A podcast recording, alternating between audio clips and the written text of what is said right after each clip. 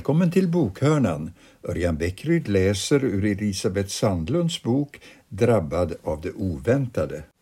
En minimidefinition vad som är kristen tro är inget som hindrar människor att nalkas denna tro och att bejaka den. Tvärtom är min fasta övertygelse att det är något som underlättar både för dem som är väl insatta i de dogmer som vuxit fram under århundradenas gång, inte för att utgöra en tvångströja utan för att fungera som stödkorsett och för dem vars kunskap är begränsad. Framförallt för den senare gruppen är det nästan omöjligt att föreställa sig hur den ska få någon rätsida på vad som är kristen tro och vad som är något annat om det anses mindre lämpligt eller till och med förbjudet att stipulera ett antal villkor. Och vad innehåller då en sådan minimidefinition? Nu närmar vi oss med farlig hastighet återigen ett av de förbjudna uttrycken, klassisk kristen tro. Många hävdar att en sådan företeelse överhuvudtaget inte existerar. Deras argument är att den kristna tron är föränderlig och har utvecklats fortlöpande under de 2000 år som har gått sedan Jesus vandrade på jorden.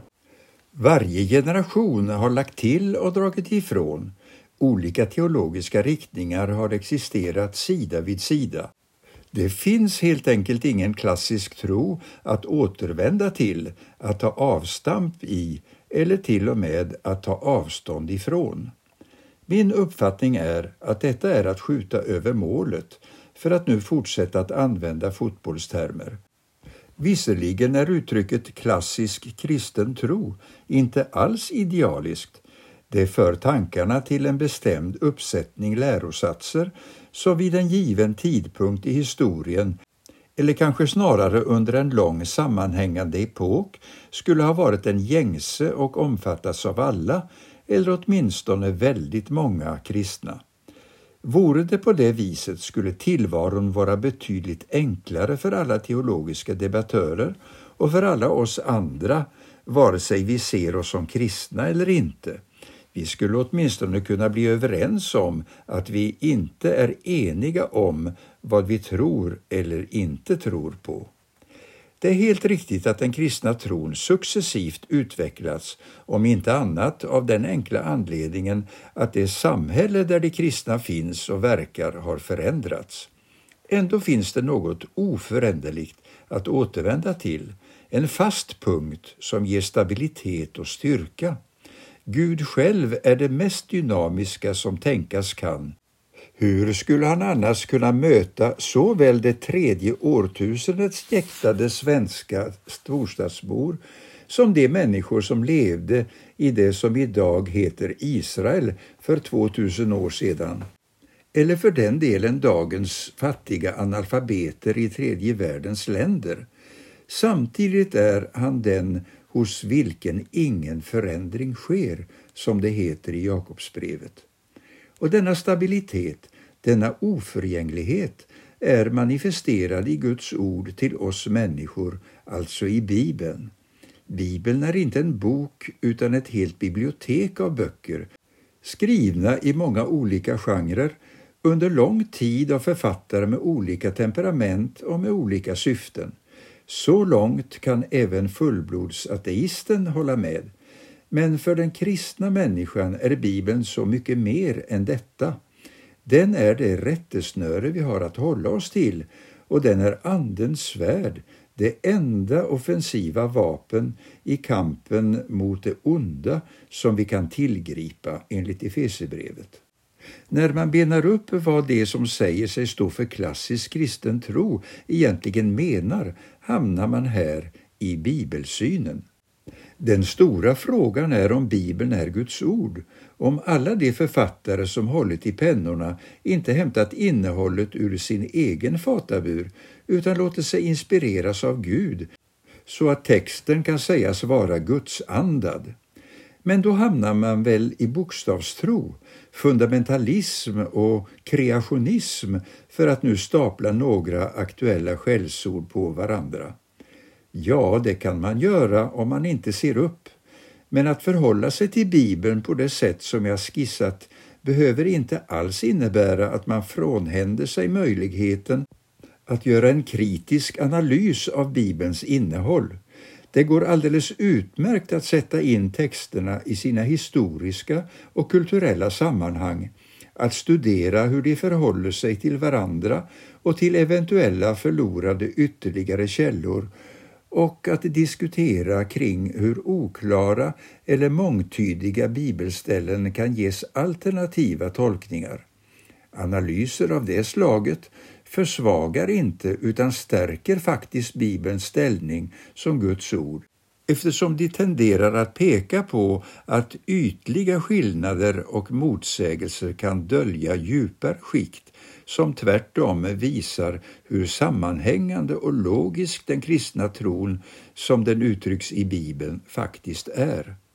Bokstavstro är något helt annat och något som är fullständigt omöjligt. Ingen människa, varken tidigare i historien eller idag, kan följa alla de mer eller mindre bizarra ordningsregler som finns i Bibeln och som har tillkommit i ett bestämt historiskt sammanhang.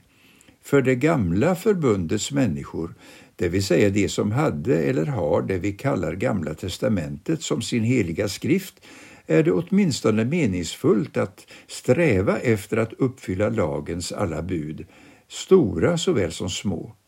Efter Jesu död på korset är sådan möda fåfäng. Visserligen säger Jesus själv att han inte kommit för att upphäva lagen utan för att fullborda den, men den stora poängen med den kristna tron, i motsats till judendomen och även islam, är att den slår fast att det varken är möjligt eller önskvärt för en människa att sträva efter att inte bryta mot en enda av lagens bokstäver. Just därför att det inte är möjligt, vi alla är lagbrytare, syndare, har Jesus burit våra synder på sina axlar och dött för dem en gång för alla. Vår enda räddning är att lita till Guds nåd. Mer om detta kommer längre fram i boken. Detta är ett tungt vägande argument. Av mindre vikt men också tänkvärt är att en stringent tillämpad bokstavstro skulle kunna innebära att allt det som inte nämns i Bibeln som uttryckligt förbjudet vore tillåtet att bygga upp barnporrsajter på internet, att lura på sina medmänniskor kemiskt framställda droger, att utnyttja dagens tekniska möjligheter för att klona människor, för att bara nämna några exempel. Det ligger en stor sanning i påståendet att det är de som inte tror som är mer bokstavstrogna att det är de som vill häckla kristna och kristen tro som njuter av att hitta exempel på omöjliga regler eller motsättningar i Bibeln. Hur är då minimidefinitionen av kristen tro som den kan utläsas ur Bibeln? Olika kristna ger olika svar, bland annat av den anledningen att vi alla förutom av Bibelns innehåll påverkas av respektive trosinriktningsdogmer och ordningsregler. För min del är de absolut nödvändiga ingredienserna inte särskilt många. Jag kommer att utveckla några av dem i följande kapitel, men så här lyder de i korthet. För det första, Gud har skapat världen, men inte på sex dagar för drygt 6000 år sedan. För det andra, han har andats in liv i människan som skiljer sig från det liv som han valt att ge djur och växter. För det tredje, Gud älskar sin skapelse. Han älskar människorna så mycket att han sände sin son till jorden för att dela våra villkor. För det fjärde, Jesus är genom sin unika tillkomst samtidigt Gud och människa. Det är detta och inget annat som gör att han kan bli bryggan mellan oss och Gud. Och det är detta som gör att han, när Gud så önskar, kan överskrida de naturlagar som Gud har formulerat och utföra mirakler. För det femte. Jesus led och dog på korset för våra synders skull. Han besegrade döden genom att uppstå, inte för att bevisa att han var Gud, utan för att alla vi andra också ska kunna besegra döden och uppstå till evigt liv i total gemenskap med Gud. För det sjätte, vi har vår fria vilja att säga ja eller nej till Guds erbjudande som riktas till oss alla och som alltid finns tillgängligt. De val vi träffar här på jorden får konsekvenser för evigheten. Väljer vi bort Gud här och nu riskerar vi därmed att också ha tackat nej till att få vistas i hans närhet efter döden. Vilket alternativet är ankommer inte på oss att peka ut, det är Guds ensak. För det sjunde, vi kan inte bli räddade av egen kraft, av våra gärningar, utan bara av nåd. Men när vi tackar ja till den leder det till att vi vill utföra gärningar i den anda som Jesus undervisade om och undvika dem som han varnade för. För det åttonde, utan den heliga Ande, den hjälpare som Jesus sände som ersättare för sig själv, klarar vi oss inte. Men med Andens hjälp kan vi göra det som mänskligt sett förefaller omöjligt, ja till och med utföra större gärningar än Jesus själv enligt hans löfte i Johannesevangeliet. Detta är mitt credo, min trosbekännelse. Faktum är att den trosbekännelse som jag får instämma i under söndagarnas högmässa täcker det allra mesta, även om det är tänkvärt att trosbekännelsen inte alls tar upp vad Jesus sade eller gjorde under sitt liv på jorden. Hela tidsrymden mellan det att han föddes av jungfru Maria och drygt 30 år senare pinas av Pontius Pilatus förbigås med tystnad. För mig fungerar ändå trosbekännelsen som en god sammanfattning av och påminnelse om vad som är kärnan i min kristna tro. Andra kristna väljer kanske andra ord och formuleringar. De åtta punkterna har en sak gemensamt. Det går inte att bevisa på det sätt som en matematiker bevisar lösningen på en ekvation eller hur en naturvetenskaplig forskare söker ett samband mellan orsak och verkan vid en kemisk reaktion. Och det går inte heller att motbevisa med sådana metoder. För mig handlar det om att bestämma mig för att tro på dem och på mycket annat eller att avvisa dem som humbug och lögn. Ordet tro är i sig komplicerat eftersom det finns flera element i det. Det klumpiga begreppet försanthållande är ett sådant element som förvisso kommer in i bilden när vi talar om kristen tro. Jag kan sannolikt genom att använda sedvanliga historiska metoder bevisa så att det tillfredsställer även en ateist att Jesus existerar som historisk person. Däremot får jag ingen hjälp av sådana metoder att bevisa att han dog på korset för mina synder. Det hindrar inte att jag håller även det senare för sant.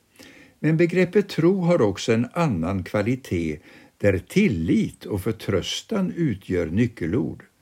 Jag sätter min lit till Gud eftersom jag är övertygad om att han älskar mig och vill mitt bästa. Det är inte alltid så enkelt när jag i en konkret situation inte alls förstår varför mitt liv förefaller så tilltrasslat och framtiden ser så dyster ut, men det är inte omöjligt. Med den utgångspunkten finner jag det märkligt enkelt att tro på att det som sägs i hans ord är sant. Även om det handlar om saker som mitt intellekt till att börja med gör våldsamt motstånd emot. Att tro på Gud är att lita på Gud och i den tilliten ingår också förhoppningen och förvissningen att jag så småningom senare under mitt jordeliv eller om inte förr, så när jag får se honom ansikte mot ansikte kommer att kunna begripa också det som förefallit omöjligt att förstå.